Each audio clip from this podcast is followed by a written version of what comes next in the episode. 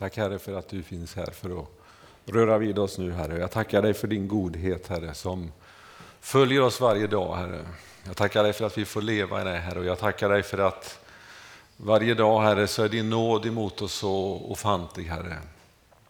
Herre, du ser att vi inte kan förstå till fullo allt som du gör för oss Herre. Och du förstår Herre att vi inte kan greppa din godhet Herre, men vi vill med det vi har Herre så vill vi följa dig och med allt det vi kan så vill vi bara uttala vår tacksamhet till dig den här förmiddagen Herre. Jag tackar dig för att vi får vara inför ditt ansikte, vi får vara samlade i ditt namn Jesus och vi får Herre, av erfarenhet och i tro, Herre, så vet vi att du vill röra vid oss den här stunden. Du kan upprätta, Herre, du kan hela och du kan skingra mörker och du kan komma med ny kraft och med nytt hopp den här stunden. Jag tackar dig för det, Fader. Tackar dig för att vi ska få fästa blicken på dig och få, få känna, Herre, att du är det ljuset som skiner över alla andra ljus. Du är det ljuset, Herre, som tränger igenom allt annat, Herre, och du vill också bana väg, Herre, för oss, Herre, så vi får gå de vägar du kallar oss att gå, Fader. Tackar dig för att vi får ännu en gång fira en, en julhögtid och vi får minnas att du föddes hit till jorden, Herre. Jag ber också, Herre, att vi inte ska stanna och stå kvar vid krubban och vara kvar i stallet, Herre, utan vi ska gå ut och följa dig, Herre. För du är inte kvar i stallet, du är inte kvar i krubban, Herre. För du lever idag, Herre. Du lever, Herre, och du är världens frälsare, Herre.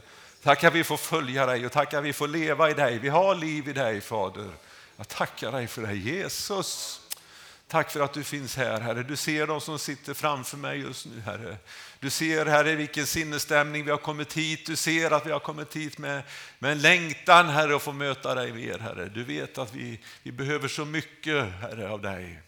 Och vi bara ber, gjut din välsignelse och låt den helige Ande bara få fylla oss den här förmiddagen, Herre. Tackar dig för det, helige Ande. Jag tackar dig, Jesus. Allt lägger vi i dina händer, Fader. Amen. Amen. Mm. Amen. Vad härligt att se er här. Vi hade ju ställt in den här gudstjänsten från början lite grann. Det var lite fram och tillbaka och så försvann den och så kom den tillbaka. Och jag har sagt det till någon och jag tänker det är ju, det är ju hemskt om vi av anledningen till att vi firar jul, det är ju Jesus och hans födelse. Och så skulle vi inte hinna samlas och möta honom för vi har så mycket att göra med allt annat. Det är ju hemskt. Men nu blev det inte så, utan nu har vi tid att vara här. Det är så underbart gott tycker jag. Och eh, mitt i allt det här, julruschen och allt som är, så det lyser och det blinkar och det blippar överallt. Alla vill ta vår uppmärksamhet. Alla vill leda oss in i någonting som någon tycker att det här är bra för dig, det här behöver du. Och så vill man liksom dra in oss i det här. Och man, ljus har en väldig förmåga att få oss att titta på olika saker. Har du ett fotografi eller en bild, ögat dras direkt till den ljusaste punkten. Det är så vi människor är skapade. Det är dit vi dras. Men så finns det också något i vår natur som ligger djupt rotat i oss, att vi vill undvika visst ljus. För det ljuset som finns i Jesus, för han är ljus och han är sanning. Det ljuset kan få oss ibland att känna oss lite, faktiskt, illa till mods. Men det är inte för att han vill att vi ska känna oss och stanna kvar i det, utan det är för att han vill peka på saker i sitt ljus som vi behöver ändra på i våra liv för att vi ska få uppleva frihet och vi ska få känna, precis som texten var här, att hans godhet, den vill vi vandra i. Och hans godhet, den vill vi vara i. Men då måste vi vara i hans ljus, det äkta ljuset som täcker alla nyanser. Det finns mycket att säga om ljus, jag tror man ska kunna tala om det någon gång.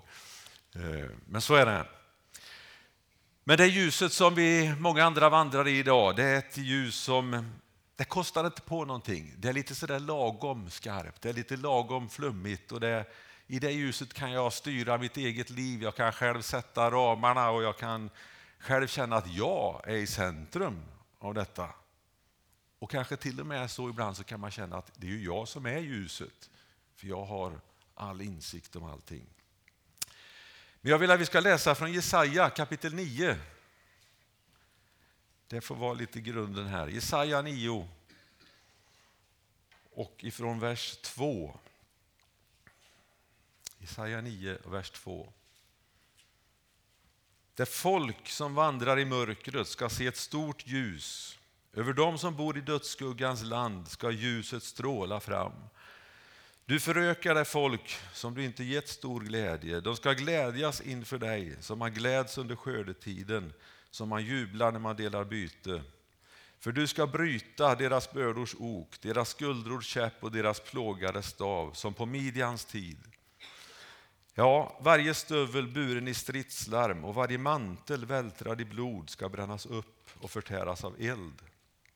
För ett barn blir oss fött, en son blir oss given och på hans axlar vilar herradömet och hans namn är under, rådgivare, mäktig Gud, evig far och fridsförste. Helt fantastiskt. Ett fantastiskt ställe att läsa. Och vi har läst det kanske tidigare under den här adventstiden och det kanske kommer att läsas ytterligare någon gång under dagarna här, jag vet inte. Men det, det finns så mycket tacksamhet och så mycket glädje när man läser det här känner jag som man, som man fylls med.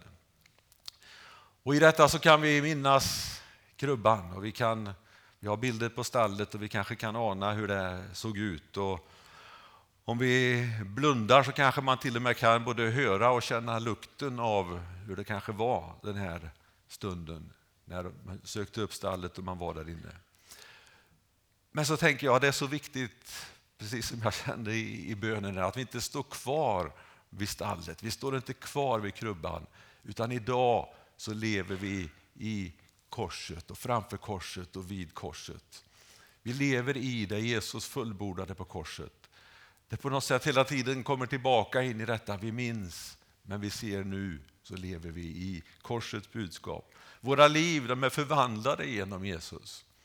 Det finns ett förr, det finns ett nu och det finns en framtid. Men så tänker jag att det här nuet, det, det finns egentligen aldrig. För det som var nu när jag sa det förut, det är dåtid redan nu och framtiden är den som kommer nu. Och jag, egentligen lever jag hela tiden i framtiden. Eller att, förstår ni, det, det, nu finns aldrig, det är alltid framtid egentligen. Och därför är det så viktigt tror jag att vi, vi lever i nuet som är vår framtid och i det finns Jesus med. Det är ingenting vi behöver vänta på, utan nu får Jesus vara med. Så den framtid som han vill ge oss, den får vi uppleva redan nu på något vis. Det är svårt det här med tid, men tiden är bara under en tid. Sen finns det en evighet. och då behöver vi inte tänka på dåtid och nutid och framtid, utan då är det ett enda nu.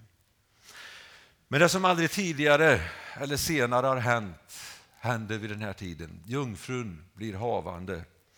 Maria möter ängeln som förmedlar det här fantastiska budskapet och säger till henne, du ska bli havande. Och redan egentligen då innan Jesus är född så visar Gud sin stora makt och sin stora kärlek och ett under sker egentligen innan mänskligheten, innan någon har förstått och anat, så sker det här undret. Och jag, när jag läser det här så tänker jag, vi, vi sjunger en sång i, i, i julmusikalen här, Maria vet du om. Och när den sjungs varje gång så känner jag bara hur, hur mitt hjärta bara av tacksamhet och glädje liksom nästan brister Maria, vet du om att det barn som du bär en dag ska gå på vatten?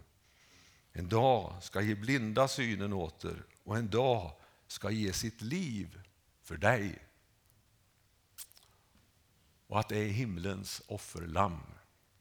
Alltså när man tänker på detta så kan man inte låta bli att känna en sån tacksamhet till Jesus för vad han gjorde. Han föddes hit ner och det fanns ett pris för honom att betala lite längre fram på den här vandringen. Jag tror inte att Maria till fullo förstod vad det här innebar när hon sa sitt ja. Hon kan inte ha fattat det, tänker jag. Hon kan inte ha förstått vidden och djupet fullt ut i det här. Och det är inte det viktigaste när Gud kallar oss, när Gud talar in i ditt och mitt liv, så är inte det viktigaste att jag förstår allt som ligger framför. Det är inte det viktigaste att jag kan just i det ögonblicket greppa allt och ta det helt fullt ut. Det viktigaste i detta det är precis det som Maria säger och det gensvar som Gud bara önskar att du och jag ska ge till honom. När Maria säger så här, jag är Herrens tjänarinna, låt det ske med mig som du har sagt. Det är allt egentligen som vi behöver svara och veta i det läget. För Gud är god och han vill vandra med oss igen och leda oss på detta. Det är ett svar som jag är övertygad om behagar Gud när vi säger jag är din tjänare, jag vill vara din tjänarinna. Låt det ske med mig så som du önskar. Vad är Guds kallelse, vad är Jesu kallelse till dig i ditt liv där du står just nu? Kanske behöver du på nytt ta in honom i ditt liv. Kanske behöver du på nytt möta honom. Kanske är det någonting som du känner bultar och slår här inne som du skulle ta tag i. Men du har inte gjort det, du skjuter det lite bort ifrån dig. Det finns en kallelse att följa honom och säga ja till Jesus i sitt liv. Det finns en kallelse att säga ja och fortsätta få tjäna honom med sitt liv också. Det är två viktiga saker. Men Maria, mitt i, sitt, i det här skeendet, och sen stämmer hon upp i en lovsång. Och det är så att när vi lever i Guds när vi lever i Guds liv, eller när han får leva i oss och vi lever i hans kallelse, då blir det en lovsång som får ljuda inom oss. Det är jag helt övertygad om och det känner jag själv. Att de dagar man är lydig, då fylls det inre av en lovsång, en tacksamhet till Gud. Och i Lukas evangelium så finns Marias lovsång. Jag tänkte vi ska läsa de verserna också. I Lukas kapitel 1.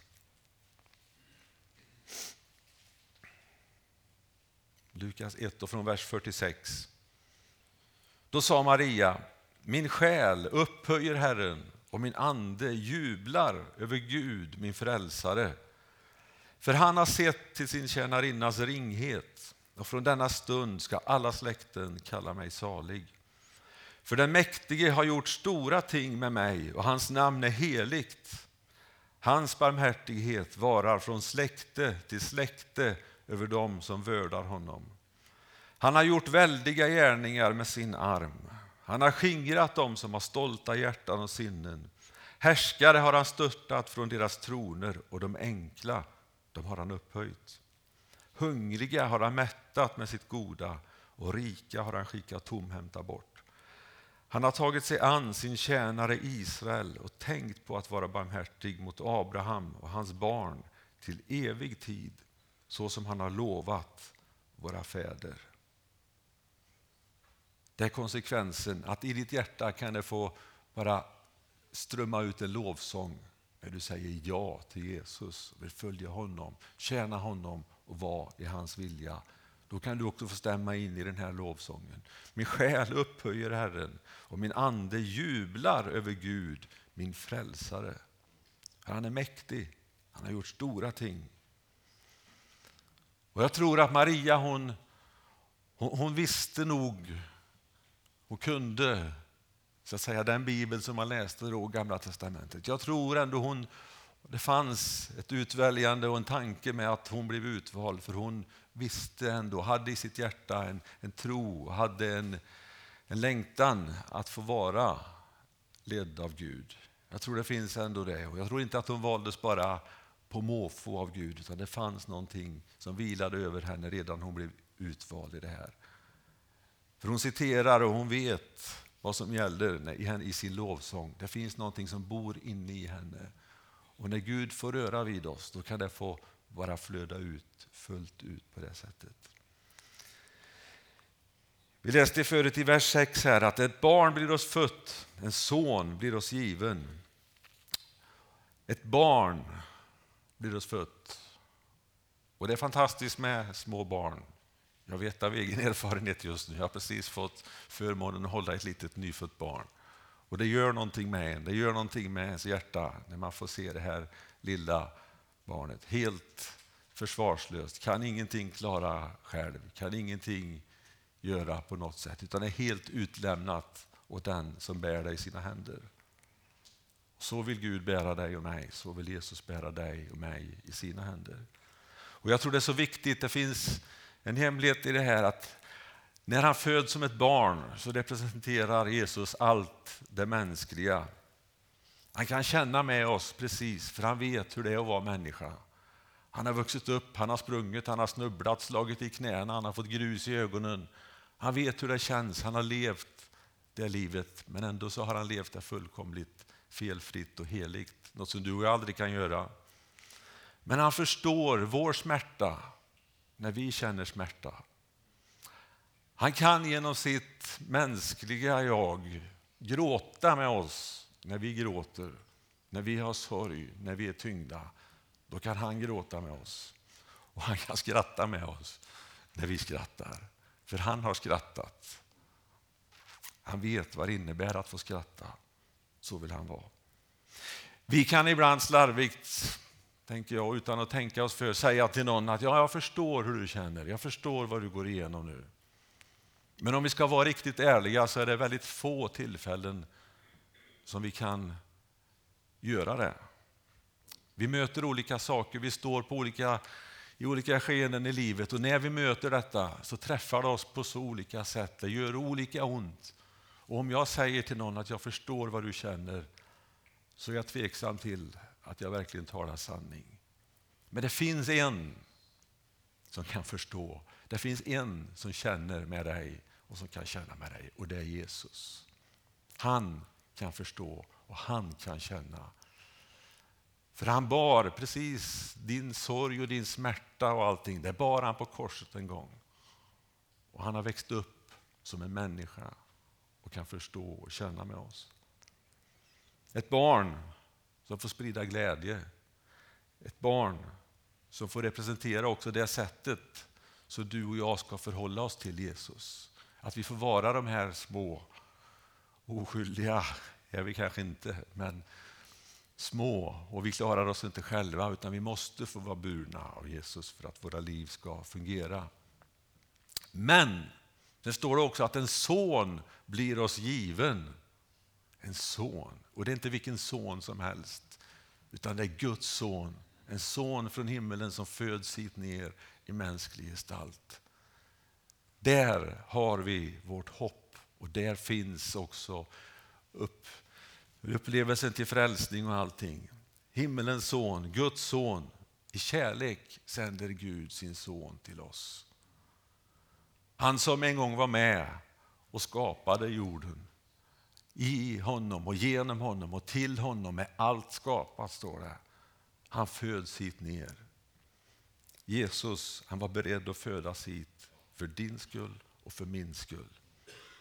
En son som är vår skapare, som är vår räddare. Nu föds han in i våran värld. Vi som innan han kom levde i en värld som egentligen inte hade någon framtid. Men så kommer Jesus och skapar en framtid och skapar en mening som gör så att vi inte behöver gå förlorade utan det finns hopp och det finns frälsning. Det kommer in i världen här. Inte i något palats och inte i något fint hus eller något ombonat och varmt ställe så, utan i ett stall i all enkelhet. Där föds Jesus den natten. Det som sker vid, vid jul när det gudomliga tar mänsklig gestalt. Det vi inte kan förstå och det vi inte kan liksom greppa på något sätt. Utan det är någonting som blir oss givet. En son blir oss given. Inte för att vi har förtjänat det och inte för att vi har visat kärlek först. Men för att Gud är kärlek och Gud vill visa oss den kärleken. Och vi behöver inte kliva upp på något sätt. Vi behöver inte ens anstränga oss för att nå den här kärleken, utan Gud sänker sig hit ner till oss. Det är det som skiljer kristendomen från så mycket andra religioner. Att vi behöver inte klättra och kämpa för att nå Gud, utan Gud finns på din och min nivå. Han sänkte sig ner till oss och tog tag i oss och vill lyfta oss upp. Det som vi minns här vid jul, varje år, när Jesus kommit ner till räddning för var och en som tar emot den gåvan. Vi måste också ta emot och acceptera och säga ja till den gåvan för att få frälsningen. Och jag tänker att vi, vi minns det bäst genom att säga ja och vi minns det bäst genom att leva vid korset varje dag, du och jag. Han kommer med ljus och han kommer med hopp. I vers 4 så står det att han bryter bördors ok. Jag tänker det var inte för dem som levde då bara, utan det är för dig och mig idag och de ok som vi kanske bär på. Jesus vill lyfta av om vi har ok på våra axlar idag. Det som hindrar oss från att leva i den här lovsången och stämma in i Marias lovsång. Det som hindrar oss från att känna glädjen fullt ut. Det som hindrar oss från att vårt hjärta bara nästan ska spricka av glädje och tacksamhet när vi tänker honom. Det oket vill Jesus lyfta av dig idag om du känner att du har det på dina axlar. Precis som på Midjans tid står det. Och jag vet inte om du kommer ihåg och vet och kopplar till vad det är. Men vi kan läsa om det i Domarboken. En tid då Israels folk fick fly upp i bergen. Man gömde sig i grottor och hålor, står det. Så fort man lyckades få någonting att växa och var dags att skörda, då kom midjaniterna och skövlade och tog allt detta. Israeliterna var fullständigt förtryckta, de var belägrade, fördärvade och utarmade, står det. Varje gång man kände att nu kommer det någonting nytt att spira, då kom de och ödelade allt detta. Men till slut så ropar man till Gud. Man har ju själv orsakat att man har hamnat i den här situationen. För Gud vill oss egentligen aldrig någonting ont och illa. Men när vi väljer att gå bort ifrån honom, då finns, då är risken stor. Den är nästan hundraprocentig skulle jag vilja säga, att förr eller senare så hamnar du i ett läge där du inte mår bra för att du inte har lytt och lyssnat till Gud. Och det var vad Israels folk hade gjort. Men så kommer man till en punkt där man troligtvis känner att det, det, finns inget hopp, det finns ingen framtid, det finns ingen möjlighet. Och då ropar man till Gud i detta. Och Gud är godhet sjöng vi, Gud är god. Fast Israels folk har svikit, fast de har vänt Gud ryggen, så kommer Gud än en gång och räddar, än en gång och befriar. Och han kallar Gideon. Och genom en liten, liten skara på 300 man så vinner man en fullkomlig seger över en skara som är många, många gånger större. Det var omöjligt i mänskligt sett. Det var helt omöjligt. Men när Gud är med, då är allt möjligt. För Gud är allt möjligt. Och kanske är det så att vi, eller någon av oss här, sitter och upplever att vi är fångna på ett eller annat sätt. Kanske har du någon midjanit i ditt liv som plågar dig, som belägrar dig, som känner att du blir helt utarmad.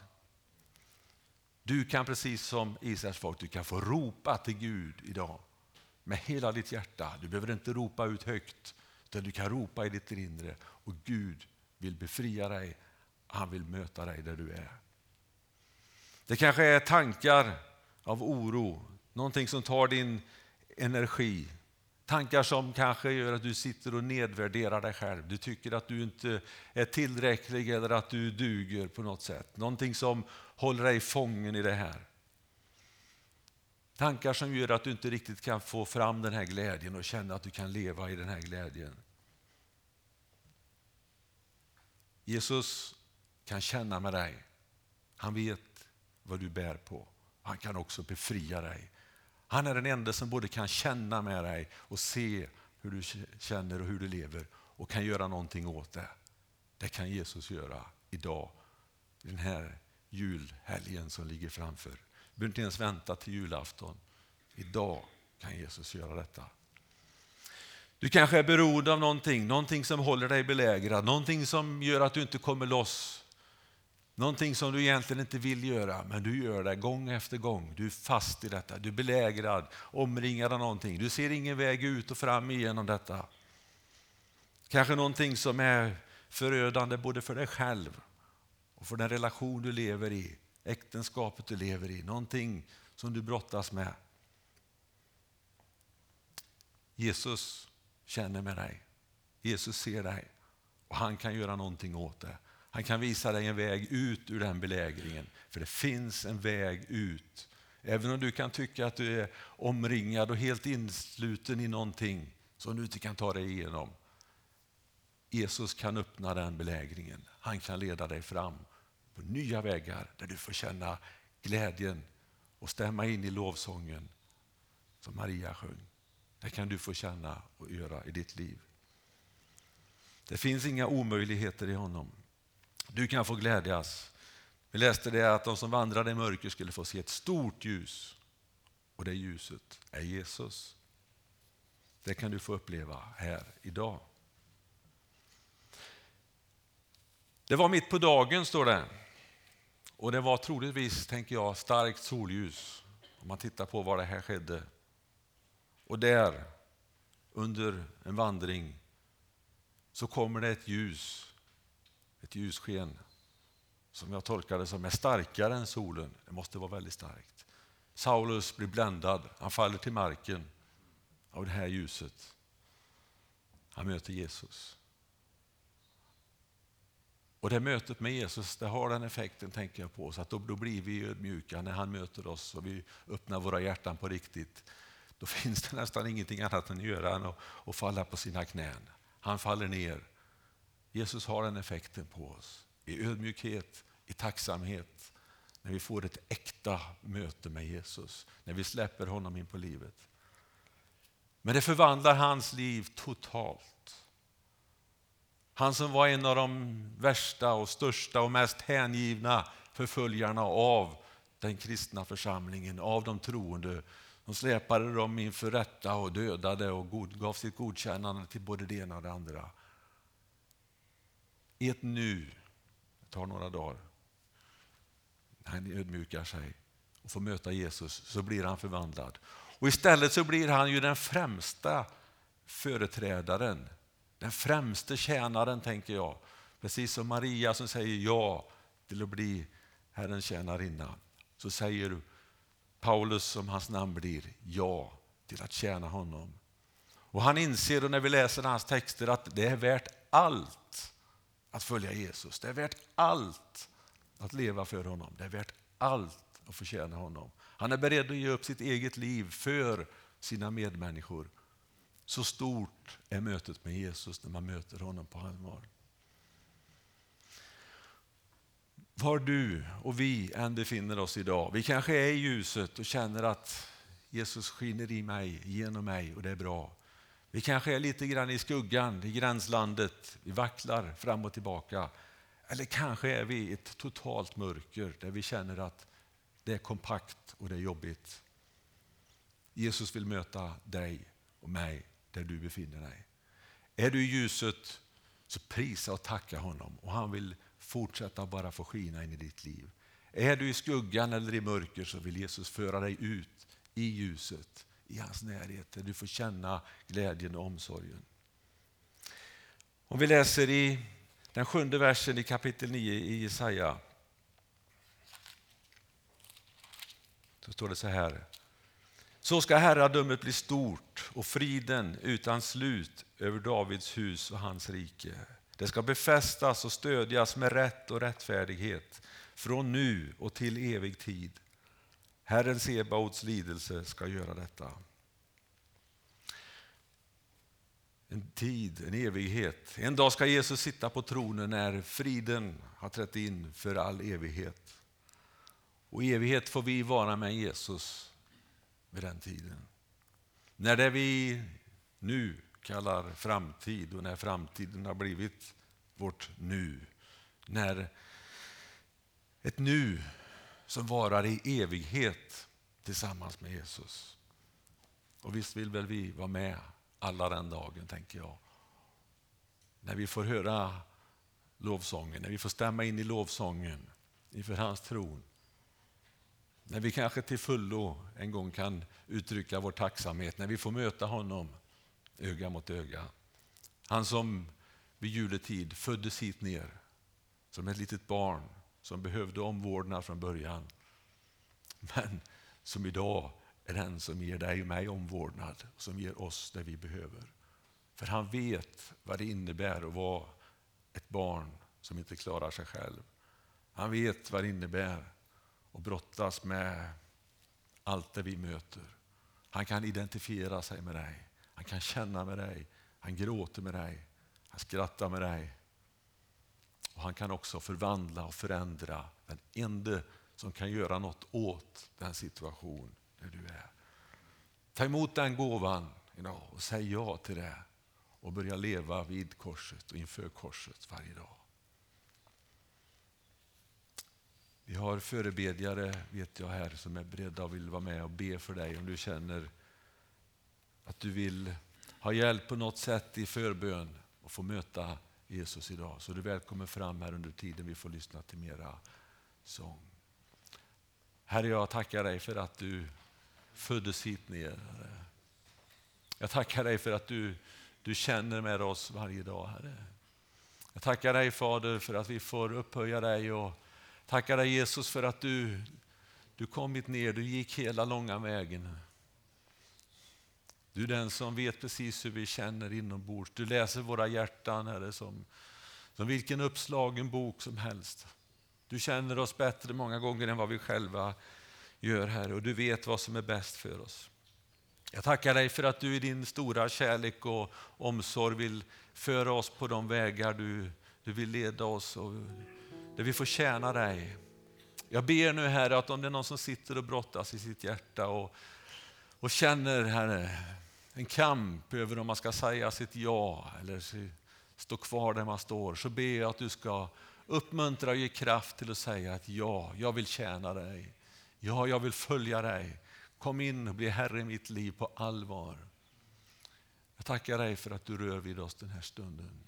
Jesus. Amen.